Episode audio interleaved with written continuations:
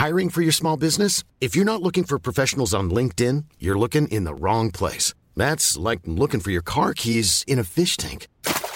LinkedIn helps you hire professionals you can't find anywhere else, even those who aren't actively searching for a new job but might be open to the perfect role. In a given month, over 70% of LinkedIn users don't even visit other leading job sites. So start looking in the right place. With LinkedIn, you can hire professionals like a professional. Post your free job on linkedin.com slash people today. There's never been a faster or easier way to start your weight loss journey than with PlushCare. PlushCare accepts most insurance plans and gives you online access to board-certified physicians who can prescribe FDA-approved weight loss medications like Wigovi and Zepbound for those who qualify. Take charge of your health and speak with a board-certified physician about a weight loss plan that's right for you. Get started today at plushcare.com slash weight loss. That's plushcare.com slash weight loss. plushcare.com slash weight loss.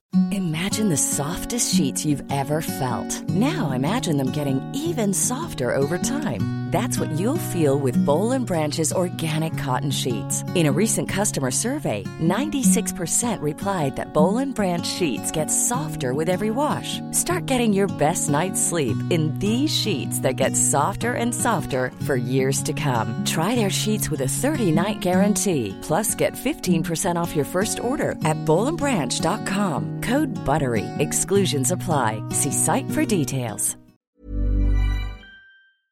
Kampen om din hjärna. Så överlever du alla distraktioner.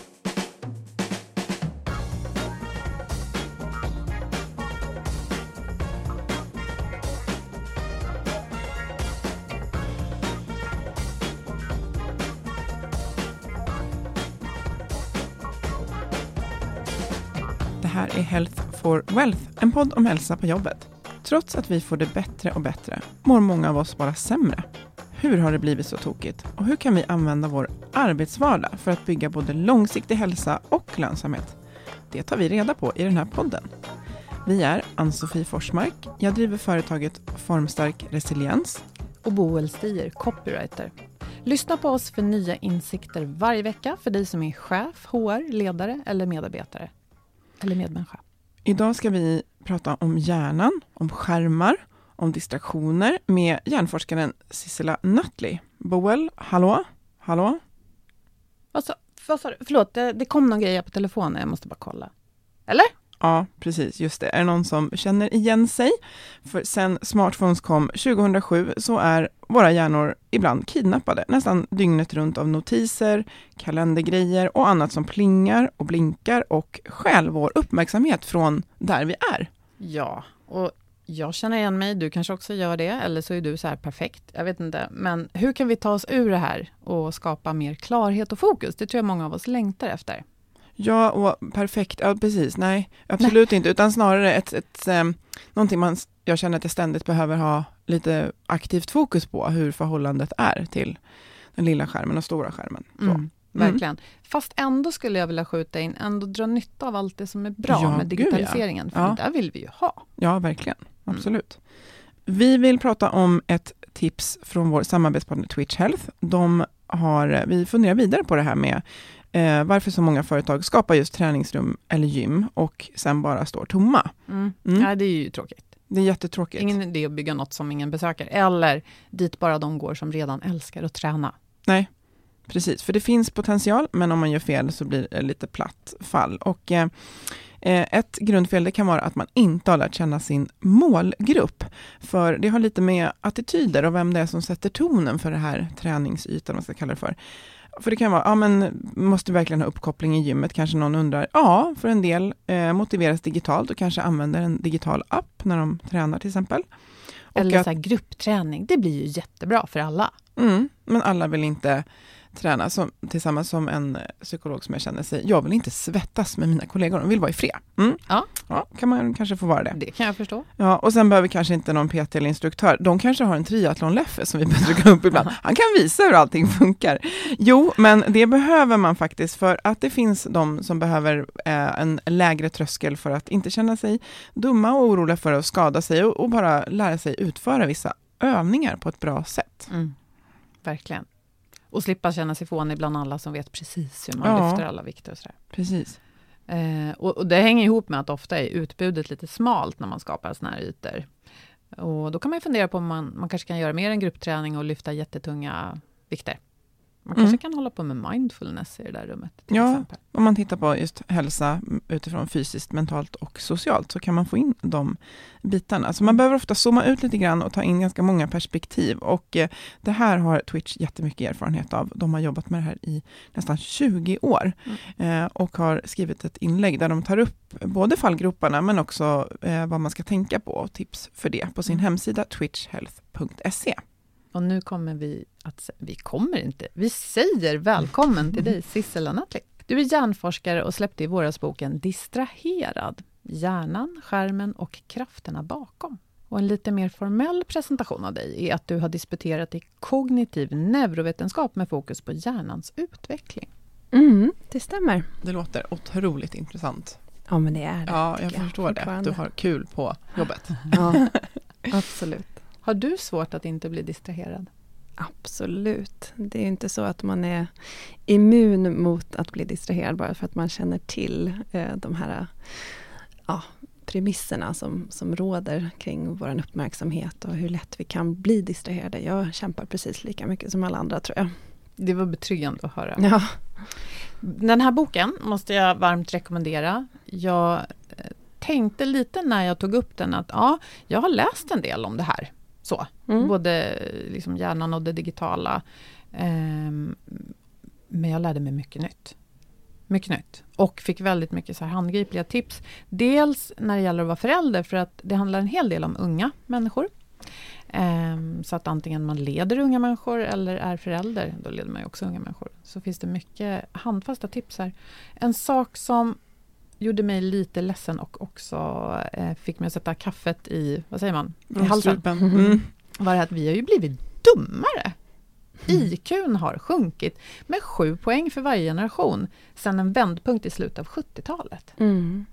Mm, det, det är så det ser ut nu och man vet inte exakt varför det är så men tidigare då under 1900-talet så har IQ hela tiden setts öka med några poäng för varje generation. Och eh, då har man ja, liksom sett och kunnat härleda det till att vi utvecklas, våra hjärnor eh, formas om med, som svar på den ökade rikedom i stimulansen som vi får, att vi får bättre skolning och bättre utbildning och liksom livslångt lärande och, och så. Um, och det har ju varit eh, jätte jättepositivt att se den utvecklingen, att vi faktiskt formas om och, och eh, utvecklar våra hjärnor baserat på att vi lär oss mer. Um, det är en väldigt optimistisk bild. Mm, verkligen, och det, det som kallas för Flynn-effekten då. Um, men sen har då någonting hänt uh, de sista, ja, vad ska man säga, 30 åren ungefär, 20-30 åren så ser man i vuxna då, vuxna IQ har, har vänt och det är för första gången nu så att den går neråt. Um, och man vet inte exakt varför men man spekulerar ju kring liksom både vad som har hänt i miljön, eh, vad, vad, är annorlunda nu, men också det kan vara så att det är eh, kost och, och sådana saker som liksom miljögifter och andra saker som påverkar det här. Mm. Men det kan också vara så att vi ja, inte ger våra hjärnor den typen av återhämtning och vila som hjärnan mm. faktiskt behöver för att både må bra och kunna prestera och lära sig nytt. Så det här med att bli distraherad, det kanske inte är en utveckling som bara började 2007 när smartphones kom? Nej, det är det sannolikt inte. Eh, utan det har, hänger ihop med hur vi, hur vi lever och vad vi sysselsätter oss med och hur vår fritid ser ut. Och, och det skiljer sig också mellan olika delar i världen förstås. Västvärlden mm. har en eh, någon slags 40 timmars arbetsveckas standard och eh, ja, nu är man på jobbet, nu är man inte, det hade varit traditionellt, medan det ser helt annorlunda ut i andra delar av världen. Men den här utvecklingen, den är global eller? Ja, det här har man sett, IQs sjunkande har man sett i västvärlden mest. Mest i västvärlden, mm. ja. Det, jag tänker att wow, att få grotta vidare i, i kausalitet och, och liksom mm. korrelationer där. Och, mm. och, om man ändå då kan se att det geografiskt finns över världen en, en en spridning i det. Eh, mm. Jätteintressant. Eh, vi, ja, det skulle man kunna prata vidare om. Eh, men i din bok så, så pratar du bland annat om pannloben och jag brukar alltid liksom peka på den. Eh, just att det är ju, det är ju den som, visst är det den som, är, som gör oss till människor, den är mer utvecklad hos oss, men du beskriver den som en lite av en sen instabil uppdatering i hjärnan. Vad, vad menar du med det? ja, det är alltså de områden som är yngst rent mm. evolutionärt. Eh, så mognaden av dem i sin existerande form har bara varit på plats i ungefär 40 000 år. Och, bara? Äh, bara. Ja. nej men det är just för att de andra delarna av hjärnan som sitter djupare har ju flera miljoner år på nacken och har en mycket liksom, viktigare roll i vår överlevnad. Eh, vi klarar oss utan eh, att kunna ja, planera eller ha liksom, en lång uppmärksamhets eh, möjlighet eh, och att kunna låta bli att distrahera oss. Vi, vi fysiskt överlever. Mm. Men det som gör oss till eh, ja, det vi kallar för smarta, det är ju det som förlitar sig på den här pannlobsaktiviteten. Då. Jag brukar säga den som kallas på arbetsintervju, det brukar vara, då brukar det vara den delen man vill prata med, ja. och hur den funkar. Ja men mm. exakt, analytiska Kreativ, förmågor ja. och ja, långsiktigt tänkande, planering, konsekvensförståelse, impulskontroll, ja, ja, problemlösning och sådana här saker. Och kopplat till våra skärmar och kanske framförallt mobiltelefonen, vad är det som händer med det här systemet och hur påverkas det? Pling, eh, pling, pling. Ja, pling, pling, pling. Ja, vad, är det, blink, vad händer? Ja. ja, då är det som att man går lite förbi det här systemet. För när det kommer en sån här pling, pling, pling på telefonen så vet man inte vad det är. Så då triggar det igång djupare funktioner som har med våra liksom mycket äldre och mycket viktigare, eh, mer prioriterade funktioner rent evolutionärt sett att göra. Då, våra drivkrafter som är mer känslostyrda och där handlar det om vår nyfikenhet, vårt sökande efter belöningar och våra rädslor. Så kommer det ett pling, pling, pling så vet man inte vad det är. Är det eh, liksom, ringer de från dagis nu eller är ja. det något som har hänt eh, utanför på gatan. Eh, ja, man, man, man vill titta för att liksom försäkra sig om att mm. det här är, jag måste se att det inte är ett hot på gång här. Och det där låter ganska sunt. Ja. Det låter som att det här är väl det som har fått oss att överleva. Att vi tänkte att det där kan nog vara en sabeltandad tiger som kommer springande, det är bäst jag kollar. Men Exakt. det blir ju en utmaning i, när det just kanske bara är att en kompis har ätit en sallad till lunch och lagt upp det på Instagram och det plingar. Eller Exakt. bara ett sms med massa hjärtan från en kompis. Man bara, ja just det, hjärtan tillbaka. Ja. ja. Precis, och det handlar ju om trösklar då. Alltså mm. vi har sänkt trösklarna för när vi blir distraherade, och när vi låter oss bli distraherade. Mm. Och en del av det här är ju helt i onödan, för det kan vi ju faktiskt konfigurera på våra mobiler och bara ställa in och bestämma oss för, jag vill inte bli störd av det här, det här eller det här. Nej. Jag vill bli störd av det här. Mm. Um, så det behöver inte vara svårare än så, men som liksom standardläget på en telefon eller som vi har bara, det har bara blivit för att det har gått så snabbt med den här utvecklingen, mm. är att vi blir störda ja, i tid och otid över allt möjligt som vi egentligen inte vill bli störda över. Men vi, om pannloben är en sen uppdatering, då är ju vi testgenerationen för det här nya sättet att leva med digitalt och fysiskt som liksom smälter samman. Ja, det är vi verkligen. Jag tror att den här tiden som vi lever i nu är väldigt speciell. Uh, också för att vi som är vuxna nu växte upp utan. Mm. Så att vi ser ju skillnaden och det finns mycket oro kring den generation som växer upp bara med det här hur ska det gå? Hur går det med deras uthållighet och snabba kickar och belöningar och beroenden? Och det finns en allmän oro i vuxengenerationen upplever jag. Mm. Och då tänker jag så här, vi löser det tillsammans. Mm. Det bästa sättet att ta tag i något är väl med lite tillförsikt. Och då tänker jag att då kan ju vi lära oss hur man kan göra. Ja, och jag tänker, det var lite sidospår, men lite att eh, man pratar om det här, det här är nytt så vi vet inte riktigt effekterna. Hur länge behöver det gå, för jag tänker, det, det, det forskas ju på det här, absolut, mm. men hur länge behöver vi vänta tills vi kan göra en tillbakablick och se det som Boel beskriver, att vi är den här experimentgenerationen på det här. Hur, hur lång, vad är liksom en longitudinell studie när man pratar om att se effekter från skärmanvändning till exempel? Ja, det beror på vad man vill dra för slutsatser förstås. Då. Om man tittar på små barn och deras användande och nu kan man uttala sig om vad som händer på fem års sikt och mm. sådär liksom, och på tio års sikt om mm. man inkluderar tv-tittande till exempel. Men eh, vi, vi ser ju inte hur det är att bli vuxen eh, ännu. Nej. Så då måste man kanske vänta 30 år. Då. Mm. Mm. Mm. Det, blir, det blir en viss tid, tänker jag då. Mm. 50, Mm. 80, ja. Mm. Men du, pratar, li- du använde ett lite speciellt ord, en longitudinell studie, Ann-Sofie. Och de här begreppen tar ju du upp i din bok, Sissela, och beskriver också att vi kan ju studera hjärnan väldigt väl idag, men det kan också... Du förklarar varför det är svårt att göra de här studierna, ungefär som när man testar ett läkemedel. Mm. Precis. Alltså innan man ska introducera någonting på marknaden som man tror har en effekt, eh, om det är ett läkemedel eller en behandlingsmetod eller sådär, så vill man ju veta med säkerhet vad den har för effekt. Och då kan man bara göra en sorts studie för att veta det bestämt. Och det är en sån här randomiserad, kontrollerad studie, där man slumpar fram från ett urval människor då, liksom att hälften ska få prova den här nya metoden eller behandlingen eller läkemedlet och hälften ska inte göra det och kanske ha något annat eh, som man jämför med istället. Och så följer man dem, eller så först testar man dem och sen så slumpar man dem och så gör de behandlingen och sen så testar man dem igen.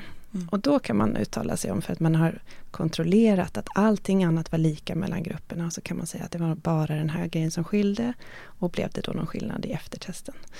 Men alla har ju en smartphone idag. Exakt, och det är det som är så utmanande nu när det har gått så otroligt snabbt. Liksom genomträngningen av både smartphones och sociala medier och andra saker som man vill studera är eh, nästan hundraprocentig i de ja, grupper som man vill studera och dra slutsatser kring.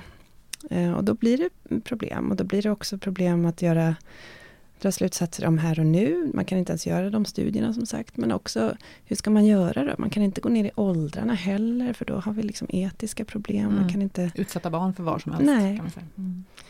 Ehm, så det, då får man titta på longitudinella studier som Ann-Sofie sa istället och följa användare över tid och se om det går, om effekterna pekar åt något visst håll eller inte. Och det sista alternativet är ju bara att titta på samband, liksom korrelationer, men då kan man ju inte säga någonting om vad som beror på vad. Nej. Men vi vet ju då att den här digitala revolutionen, den, den hände ju liksom i steg, men också med smartphonens kraft från 2007. Och jag tror att vi kan ju alla notera att vi... Alltså, jag tror de flesta ändå kämpar med sin relation till mobilen. Mm. Jag skulle tro det i alla fall. Och jag tänker på att vi hade HLI härifrån som är företagare och även med i en organisation som heter Time Well Spent. Mm. Det finns en, en svensk sån organisation men den startade i USA och de vill ju uppmärksamma det här att digitala tjänster eh, nyttjar ju Mm. eh, insikterna om hur vi fungerar och att de här överlevnadsinstinkterna gärna får oss att, ja men till exempel Netflix autoplayar. Ja. Mm. Så, så att du blir insugen i nästa Mm. film när du har sett klart den. Mm. Och allting, du har evighetsskroll, det vet alla apputvecklare. Att lägg till evighetsskroll i nyhetsflödet, då slutar du ju aldrig. Liksom. Du blir Mm. hela tiden insugen. På. Det Time Well Spent vill göra är ju lite som du är ute och missionerar om också Sissel, att vi måste ju vara varsamma med, med oss själva här Mm. i hur vi designar saker och ting. Mm. Precis. Men jag tänker, det här, det här är ju någon slags överlevnadsinstinkter vi har. Då. Alltså vi får liksom respektera den här viljan att hela tiden kolla den senaste nyheten. Mm. Så lösningen är ju bara som sagt att rensa i sina notiser.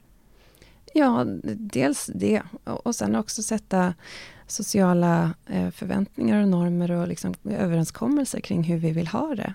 För det är återigen det här med individ eller struktur och organisation. Man, det har gått så snabbt så alla har bara hängt med i de här drivkrafterna och var och en av oss har sugits in i, i skärmarna i tid och otid. Och eh, som alla andra stora eh, genombrott och, och förändringar i samhället så behöver man nu eh, ja, tänka efter lite och komma överens om hur vill vi ha det då? Och hur ska vi ha med eh, möteskultur och hur ser vi till att uppmärksamma vår uppmärksamhet och de begränsningar som finns där. Hur kan vi respektera det på arbetsplatsen, i skolan, i hemmet? Vad, vad är viktigt för oss och vad vill vi inte tappa bort i den här utvecklingen?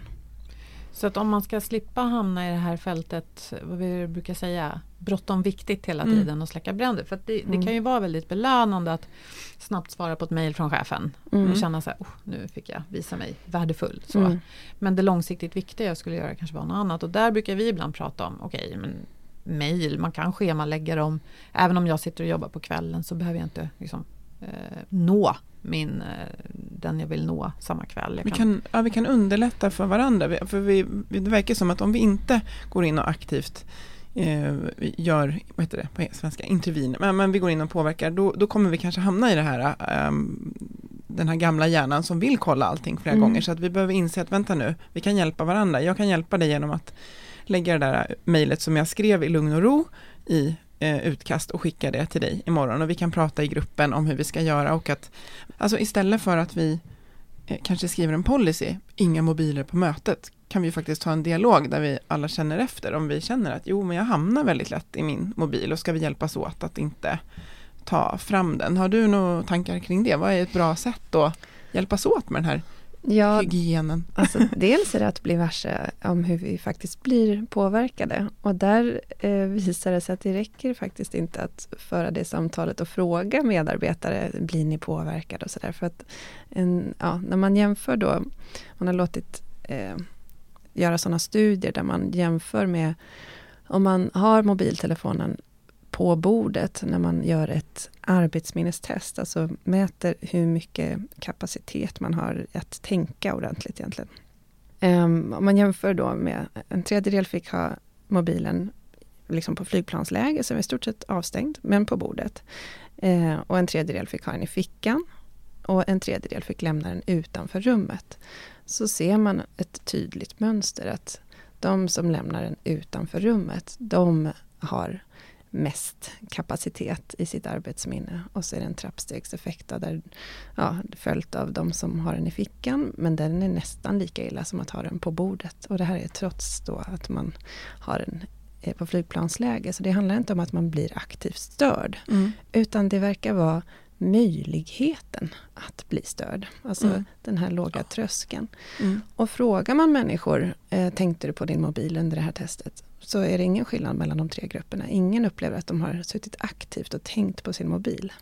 Men än tycks det gå liksom Ja, vissa som resurser. Ja. Men här tänker jag, här är det ju klockrent att ta upp forskningen som stöd för att hörni, det här är testat Mm. och vi kommer inte märka, vi kommer kanske tro att vi inte tänker på våra mobiler, men forskningen säger det. Ska vi testa att lämna mobilerna utanför Mm. utifrån den här forskningen? Kan man ju Mm. använda det som lite häv, Mm. hävstång och ta hjälp. För att om jag inte själv medvetet jag menar, ibland är vi medvetna om att vi känner att oh, nej, men nu är jag i mobilen igen. Det är ju Mm. medvetet. Mm. Men eftersom det uppenbarligen då pågår också massa omedvetna Mm. saker som dessutom stör min inlärning. Mm. Eh, här kan vi verkligen dra nytta av den forskning som finns Mm. och undersökningar och med hjälp av det stötta varandra i beteenden och stötta oss själva. Mm. Jag tänker också det här att det är lätt att känna och tänka så här men jag är inte störd av min mobil. För mig känns det bara tryggt att ha den. Mm. Om barnen ringer eller någonting. Ja, då. den är svår. ja, men då kan man ju tänka så här, då hjälper jag ändå gruppen. Mm. Om jag är lite schysst Mm. och visar att Mm. jag vill vara närvarande här och nu.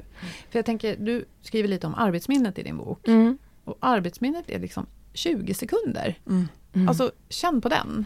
Så det är ju därför, har jag förstått, som när man eh, ska laga mat och har Mm. ett recept. Eh, Jag hoppas i alla fall att ni känner igen er i det här. Att man liksom, ja, 7 deciliter chi, 3 deciliter, vad var det nu igen? Och så får man Mm. gå tillbaka till receptet Mm. hela tiden Mm. och känner sig lite pantad. Ja. Men vi kan inte hålla saker i det här arbetsminnet hur länge som helst. Nej, det är kraftigt begränsat hos oss alla.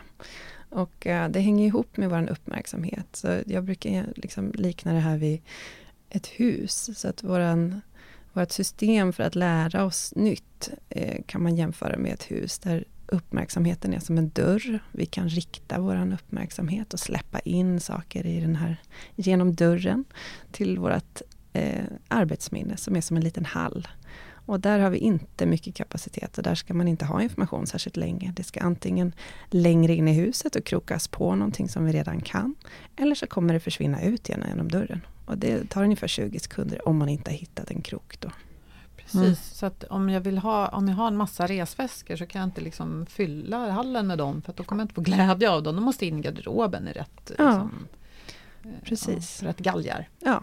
Exakt, så har man den där kroken redan så är det lättare att bara skyffla vidare det in och då kan man vila på det. För vi har enormt mycket kapacitet i det här lagret då som är våran stora delen av huset. Och där kan vi bygga hur mycket kunskap som helst genom hela livet. Men arbetsminnet är bara 20 sekunder. Jag gillar den här bilden. Mm. Och vi vet ju också att hjärnan gillar bilder. Mm. Det blev jag så glad när jag lärde mig. För det är, ja, man jobbar Mm. med kommunikation och så.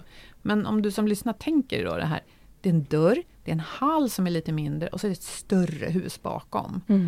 Varje gång dörren öppnar, alltså det går ju att motsvara eh, det går ju att eh, jämföra med när det plingar och blinkar på mobilen. Mm. Så även om jag sitter där på mötet och tycker jag har fullt fokus, ja, men jag är helt med här, jag bara har lite så här småkoll vid sidan Mm. av. Mm. Nej, dörren bara slår upp. Den står och slår och den står på glänt. Och det som händer är när man har någonting i arbetsminnet och så blir man störd så att dörren rycks upp av någonting annat.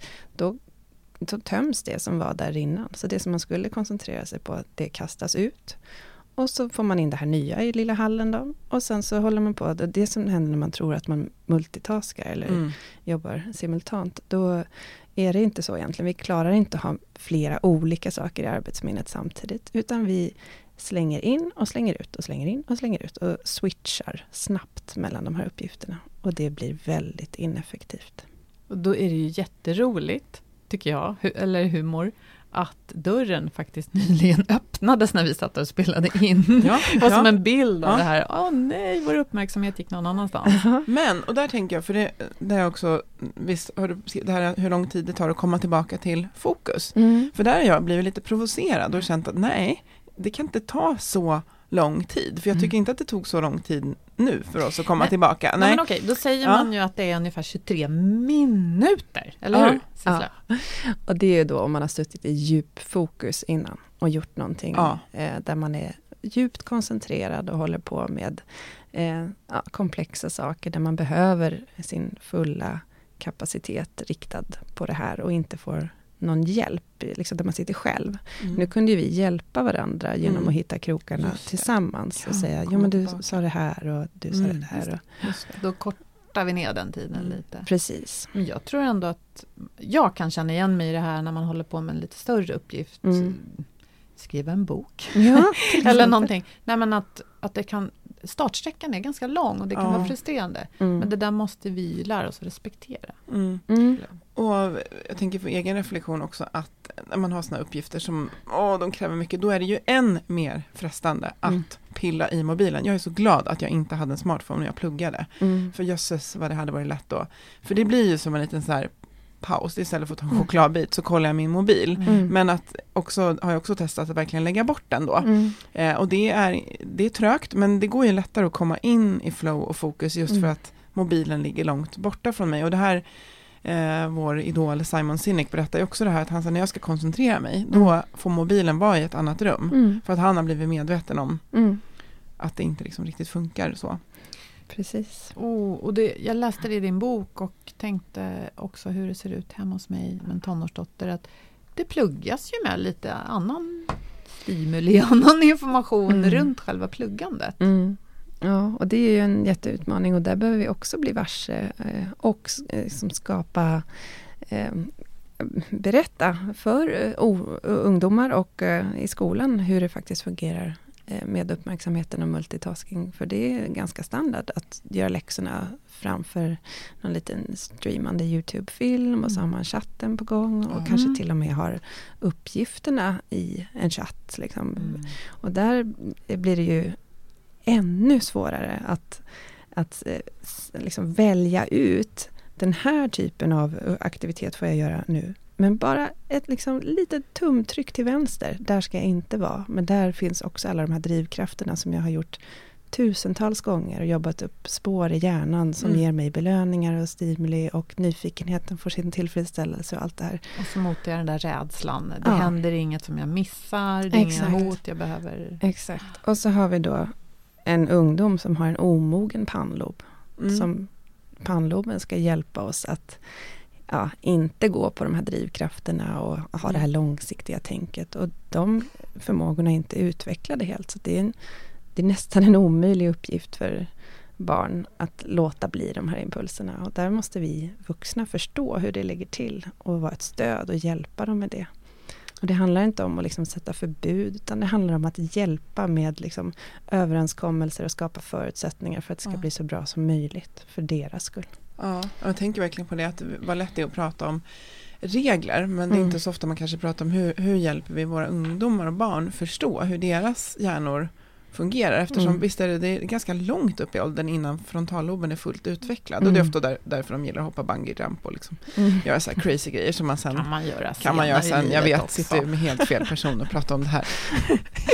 Men, ja, Men jag tänker att vi Mm. måste ju då föregå med gott exempel. Jag tänker att om jag då hemma ser till att mobilen ligger utanför rummet där vi äter middag till exempel, så kan ju det påminna mig också, eller bara hjälpa mig att våga ta Mm. upp på jobbet, även om jag inte är chef, att hmm, vi kanske ska ha en låda utanför mötesrummet och bara visa, jag tänker lägga min mobil här Mm. nu när vi möts, för jag har läst att, Mm. att vi faktiskt inte är riktigt närvarande annars. Och jag Mm. vill ju vara närvarande här med dig, Mm. för vi ska göra något viktigt ihop. Mm. Exakt. Mm. Och det handlar ju också om det. Vad gör man då istället? Hur får man den tiden att bli så viktig att det känns värt? Och där, jag vet inte, men mina år i näringslivet så satt jag många möten där det kändes som min närvaro varken gav från eller till faktiskt i möten. Och då är det ju lätt att pilla på en mobil istället. Mm. Och, men då gäller det också att jobba på möteskulturen. Och så, Mm. Varje person som är på det här mötet har en funktion och då Mm. kräver vi uppmärksamhet och närvaro av varandra. Mm. Och det är kanske inte förenligt med att ha en sms-konversation under bordet samtidigt. Nej. Nej. Och det är ju också lite grann, jag tänker på, kanske ska våga ta den diskussionen med en kund som sitter liksom med datorn uppe och man märker att den här personen gör lite andra grejer ja, medan. Mm. jag blir fruktansvärt provocerad. Men då kan man ju också vända på frågan lite Ja. så här. Vad, hur skulle vi kunna göra det här mötet bättre så att du Mm. känner att du kan köra 100%? Ska det Mm. vara kortare Ja, kanske? Mm. Tio minuter. Exakt. För jag tänker vi kommer in på det här med att det, det händer väldigt mycket när vi ser varandra i ögonen. Och, det, Mm. och det upplever jag i alla fall att vi kanske just gör mindre. För att det på vissa ställen är lite legitimt att ha mobilen framme. Om man, och jag vet också att någon har sagt så jag vill bara poängtera, jag, jag dokumenterar, jag skriver anteckningar nu, jag är inte inne i min mail. Liksom. Och då Mm. tycker man, ja men det är ju helt okej. Men Mm. att vi tappar dimensionen kroppsspråk, titta varandra i Mm. ögonen. Ehm, och ja, precis, det kanske kan vara då, ska vi köra ett kortare möte men där vi är fullt Ja, ja, Närvarande. ja, fullt närvarande och så Mm. gör vi det som behöver göras på mobilen efteråt. Att vi Mm. faktiskt gör den distinktionen. Och vad skulle hända då? Och hur, hur modig måste man vara för Mm. att ta upp den frågan? Nu låter det som att man kan luta sig på ganska mycket forskning, vilket ju Mm. kan vara trevligt. Så. Ja, Mm. absolut. Och det tycker jag är, är en konversation som vi måste ha eh, nu, 2019. För att Mm. det tillit och eh, respekt och uppmärksamhet, det bygger ju också relationen även affärsmässigt. Om vi inte Mm. känner att vi har förtroende för dem som vi arbetar med eller som vi är ett kundmöte med, ja, då blir det nog ingen försäljning på det där på slutet. Utan man Signerar måste, man inga stora kontrakt? Nej, alltså man måste förstå att det här är grunden till all, alla relationer, vare sig det är personliga eller affärsmässiga relationer, så handlar det om att man har fått ett förtroende för den personen som man samarbetar eller har en närhet till. Och Mm. där, den börjar med ögonkontakt. Ehm, Mm. Och samförstånd liksom. Mm. Och jag tänker också, Verkligen. vi vill väl alla vara smarta? Eller? Ja. Och vi är ju inte fullt ut smarta då när vi multitaskar. Det tror jag att den grejen måste nog sjunka in. För att Mm. vi känner oss ju ofta Mm. smarta. Mm. Åh Mm. gud vad jag hann med mycket nu.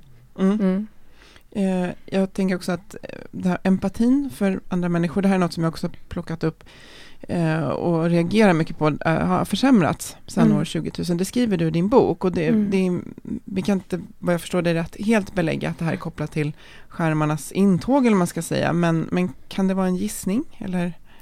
Ja, alltså det, det kan det nog absolut vara. Det, det är ju en av teserna, absolut. För det är en av de sakerna som har förändrats i, sen vi fick internet i stort sett. Liksom Mm. Att vi eh, umgås kanske mindre eh, öga mot öga och har mera av vår kommunikation och mera av våran då, våra sociala kontakter via en skärm. Och eh, vad händer då med den eh, empatin, den liksom uppmärksamheten kring små, små subtila signaler kring kroppsspråk och eh, ja, närvaro där man uppmärksammar varandra.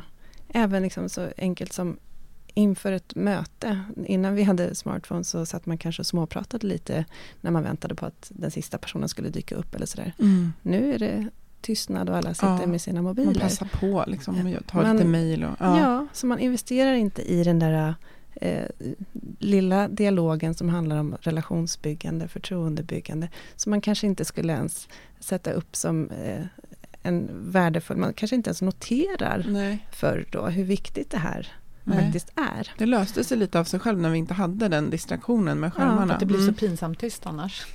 Men, Ja. ja. men jag tänker just, tänk vilken signal om jag och du och jag är ett möte och så tar jag verkligen min mobil och demonstrativt plock, plock, lägger ner den och lutar mig fram och bara, Mm. hur, hur har du det den här veckan? Ja. Om du då sitter med din mobil, det blir ju lite så här, ja, ja, det blir, ja, det blir intressant att se mm, vad som, Men jag skulle vilja, jag ser eh, ett slags dilemma här, eller ja, för att, att, att eh, mobiler och skärmar kan få oss att liksom fjärma oss från varandra. Mm. Det har vi nu pratat om ett tag och så är det. Men jag tänker också att det är lättare idag om, om man känner att man inte riktigt passar in. Man kan vara ung, gammal. Eh, Mm. att hitta likar. Jag menar om, eh, om jag inte funkar som de andra ungarna i högstadiet och tycker att det är jobbigt så kan jag hitta en kompis som jag chattar med som sitter i Australien och vi Mm. delar samma problem. Och Mm.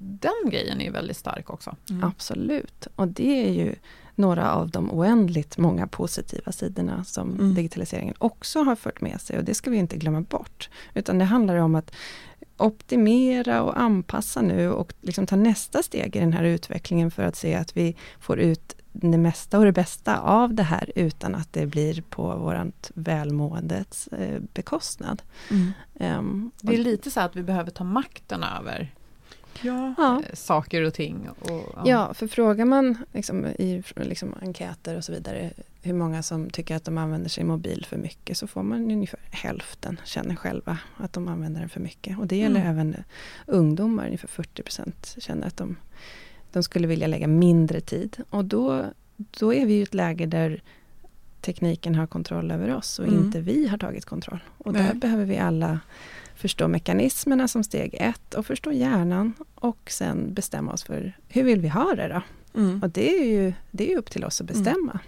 och förstå att där behöver vi Alltså vi behöver hjälpas åt tror jag. Vi Ja. behöver inse att det kommer inte ske av sig själv. För det gör, tenderar inte beteendeförändringar som är lite utmanande att göra. Utan de behöver man jobba lite med. Ja, och där behöver vi nog jobba på flera eh, liksom nivåer i samhället också. Eh, ska faktiskt få besöka Facebook nästa vecka Mm, eh, och mm. hoppas att ja, få höra mer om hur de resonerar kring det här och vad Mm. de kan göra för att ta steg eh, som lirar mer med välmående utifrån deras Mm.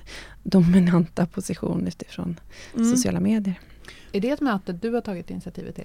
Det är en, eh, ett initiativ från de nordiska länderna och eh, Mind, organisationen Mind.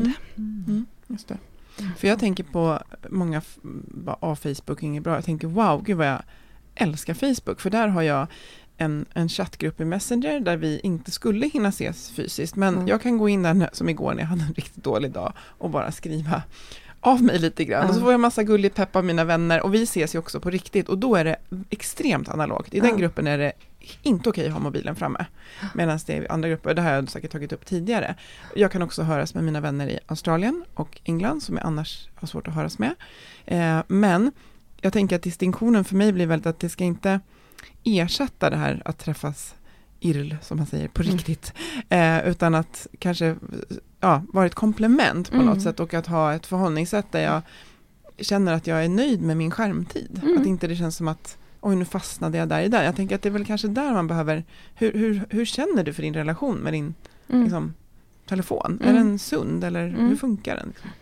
Exakt. Och där är det kanske mer det här som blir bara tidsfördriv, där man efteråt Mm. känner sig, vad har jag nu gjort? Har jag bara suttit och scrollat och Ja. tittat på YouTube-klipp i oändlighet och så har man inte riktigt fått ut någonting eller bestämt en träff med någon eller fått någon pepp eller vad det nu var, Ja, var ute efter. Och Ja. det är väl den tiden som eh, också forskningen visar, liksom passivt tittande, där man, där man bara blir passiviserad i sitt eget liv. Den är ju inte eh, liksom, ja, så utvecklande eller positiv. Mm. För, för jag delar med mig av en, en eh, liksom kort berättelse eller ska säga, som finns i din bok. Eller det är en beskrivning av en situation. Alltså ofta idag kan man se små barn Och så mm. man är i en park kanske och föräldrarna, jag tyckte inte heller det var så roligt med sandlådelek. Eh, nu hade jag kanske, ja jag vet inte om jag hade en smartphone, det kanske jag hade. Men strunt samma vad jag gjorde. Det är vanligt då att föräldern sitter och scrollar lite. Eh, men då skriver du att det här med att ha en närvarande förälder fysiskt, men mm. som inte är uppmärksam på barnet, mm. mm. gör faktiskt att ungarna slutar leka. Mm. För leken i sig handlar ju ofta om att liksom, ja, kliva ut i sandlådan och utforska. Men om, på något sätt behövde barnen liksom relatera till att titta på föräldern och säga, är du med? Mm. För att känna mm. någon slags trygghet att våga gå ut och utforska. Mm. Ungefär så. Mm. Det verkar så från de studier som finns hittills, där man då undersöker vad som händer med ja, små barn som är under ett år, om, om föräldern sitter och scrollar eller om den är aktiv och tittar och uh, med. Och sen vad som händer när efter den här föräldern har scrollat och vänder uppmärksamheten till barnet, att barnet inte riktigt vågar släppa blicken med föräldern och vågar inte utforska rummet lika mycket för den är rädd att förlora uppmärksamheten igen. Så, och man ser också att barnet blir mer ja, eh, vill ha mer uppmärksamhet, kräver och, liksom. ja, och, och gnälligare och gråter och vill ha mer uppmärksamhet, både positiv och, och, och negativ bemärkelse. Eh, men vi kan översätta det till arbetsplatsen, ja. för att vara förälder och chef är inte så stor skillnad. Liksom. Att det här, om vi inte är närvarande med varandra, antingen vi leder varandra eller bara det här ska, mm. ska vara väldigt smarta och kreativa tillsammans. Mm. Ja, vi behöver helt enkelt se varandra i ögonen. Ja, och visa att vi ser och hör varandra. Det handlar om att validera. Mm. Och det, tänk att det ska vara så enkelt på något sätt. Att, här, att bara se på varandra ska vara så, så betydelsefullt. Mm. Och så jobbigt och svårt att få till idag. Mm. Och så egentligen när man tittar konkret på det så borde det vara så enkelt. Men och gratis. Behöver... Ja, och gratis och allt det där. ja, men också lite krävande. Mm. Mm. Absolut. Men jag tänker på... Mm. Får jag, förlåt. Kör. Hej hej, det här är uh, Health for Worlds tekniker Matilda som bara kommer tänka på en, en, en anekdot bara som jag hörde uh, en gång av en kollega. Uh, som berättade om en vän som han hade. Där hon på varje middag där folk tog upp sina mobiler och blev helt uppslukad av dem. Då tog hon upp en pocketbok och började läsa den inför alla. Jag bara tänkte, ja. ja. Gud så, så roligt. Ganska tydligt statement liksom. Ja, ja kan man göra. Humor. Ja. ja. Så bra. Ja.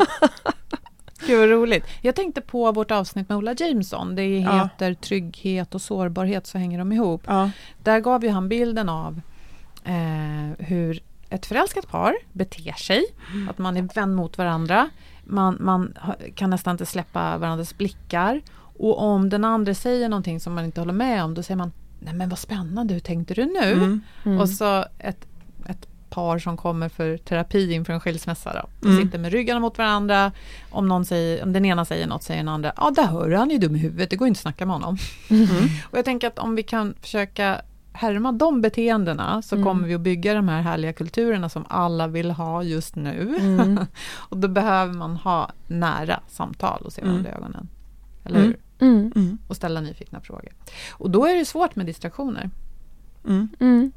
Men eh, lite regler, alltså eh, utan att vara tråkig eh, kan man liksom sätta ribban för hur man gör saker och ting. Mm.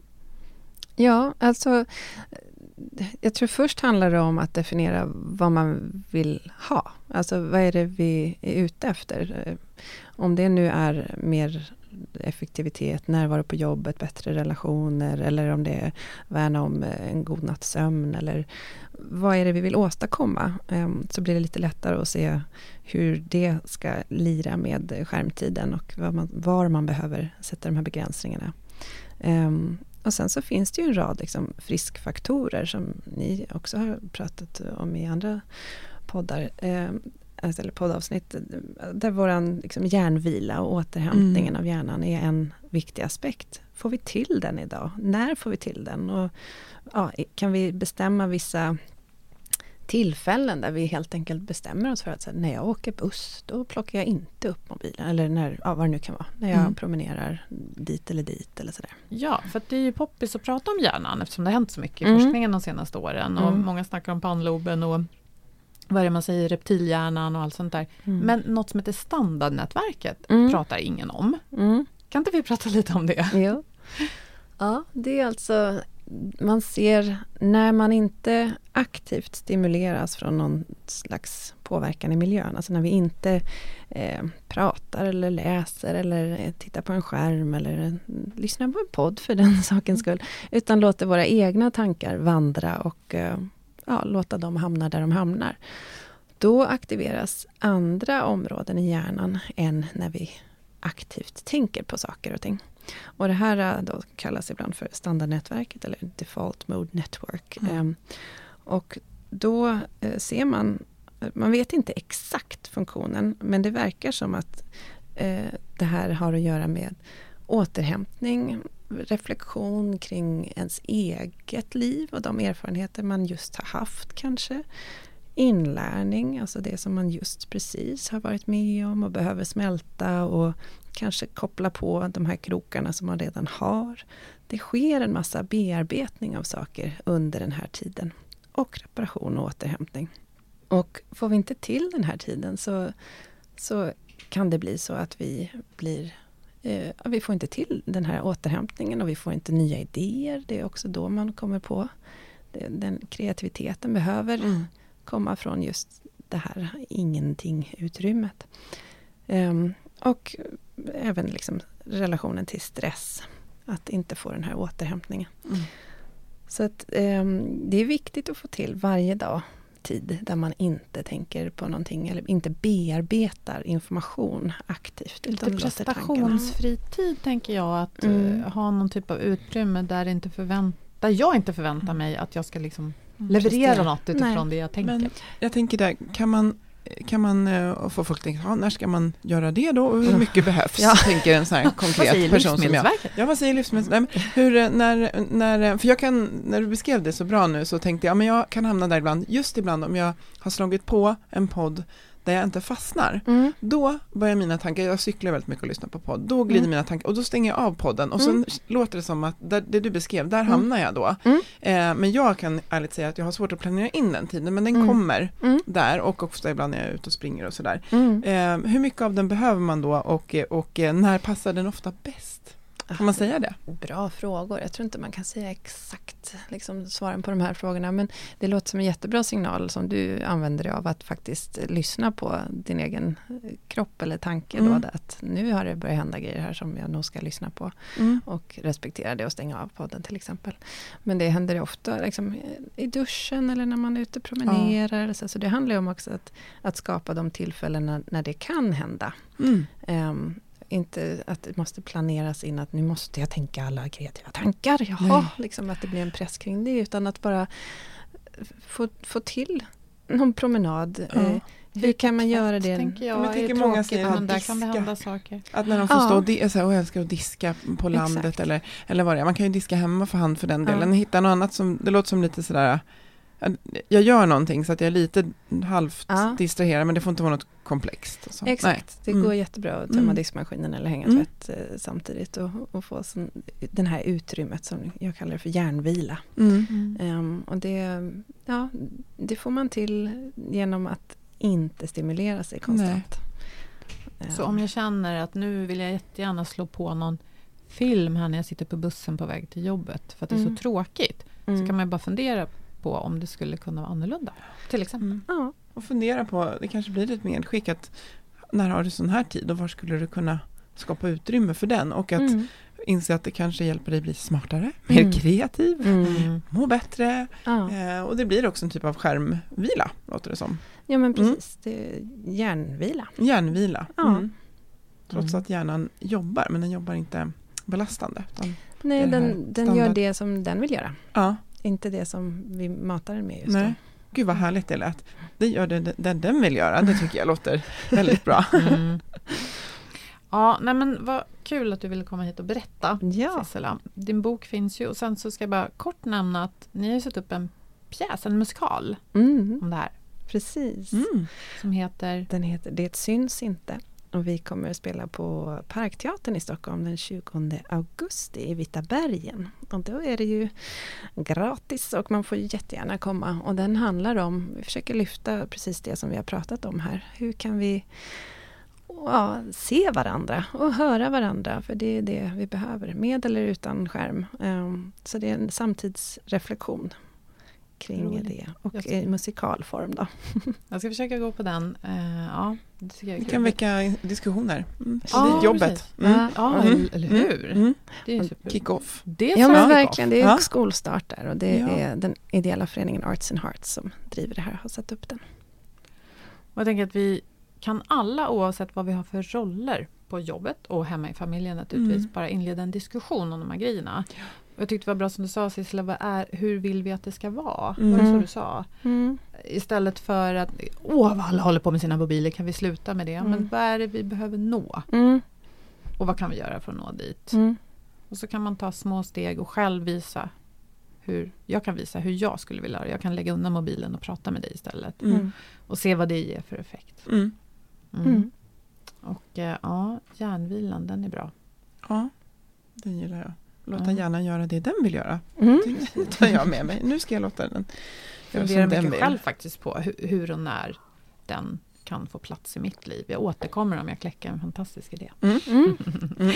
Men eh, ja, hörni, hör gärna av er till oss och berätta vad ni tänker när ni hör det här. Mm. Om det är något som ni har provat och lyckats med eller om det är något ni brottas med och inte lyckas med. Vi finns på healthforworld.se på LinkedIn och Facebook. Och vi vill tacka våra samarbetspartner Twitch Health och Berggren Lahti för den här produktionen. Och ta hand om er mm. och era hjärnor mm. och varandra.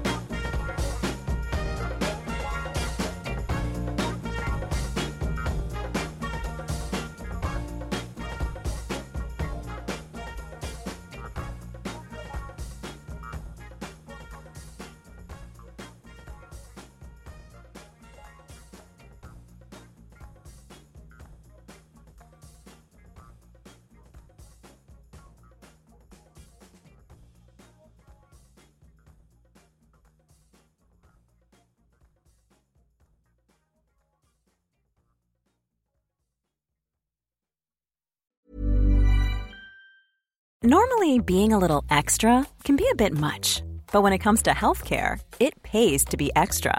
And United Healthcare makes it easy with Health Protector Guard fixed indemnity insurance plans. Underwritten by Golden Rule Insurance Company, they supplement your primary plan, helping you manage out of pocket costs without the usual requirements and restrictions like deductibles and enrollment periods. So when it comes to covering your medical bills, you can feel good about being a little extra. Visit uh1.com to find the Health Protector Guard plan for you. Planning for your next trip? Elevate your travel style with Quince. Quince has all the jet setting essentials you'll want for your next getaway, like European linen, premium luggage options, buttery soft Italian leather bags, and so much more. And is all priced at 50 to 80% less than similar brands.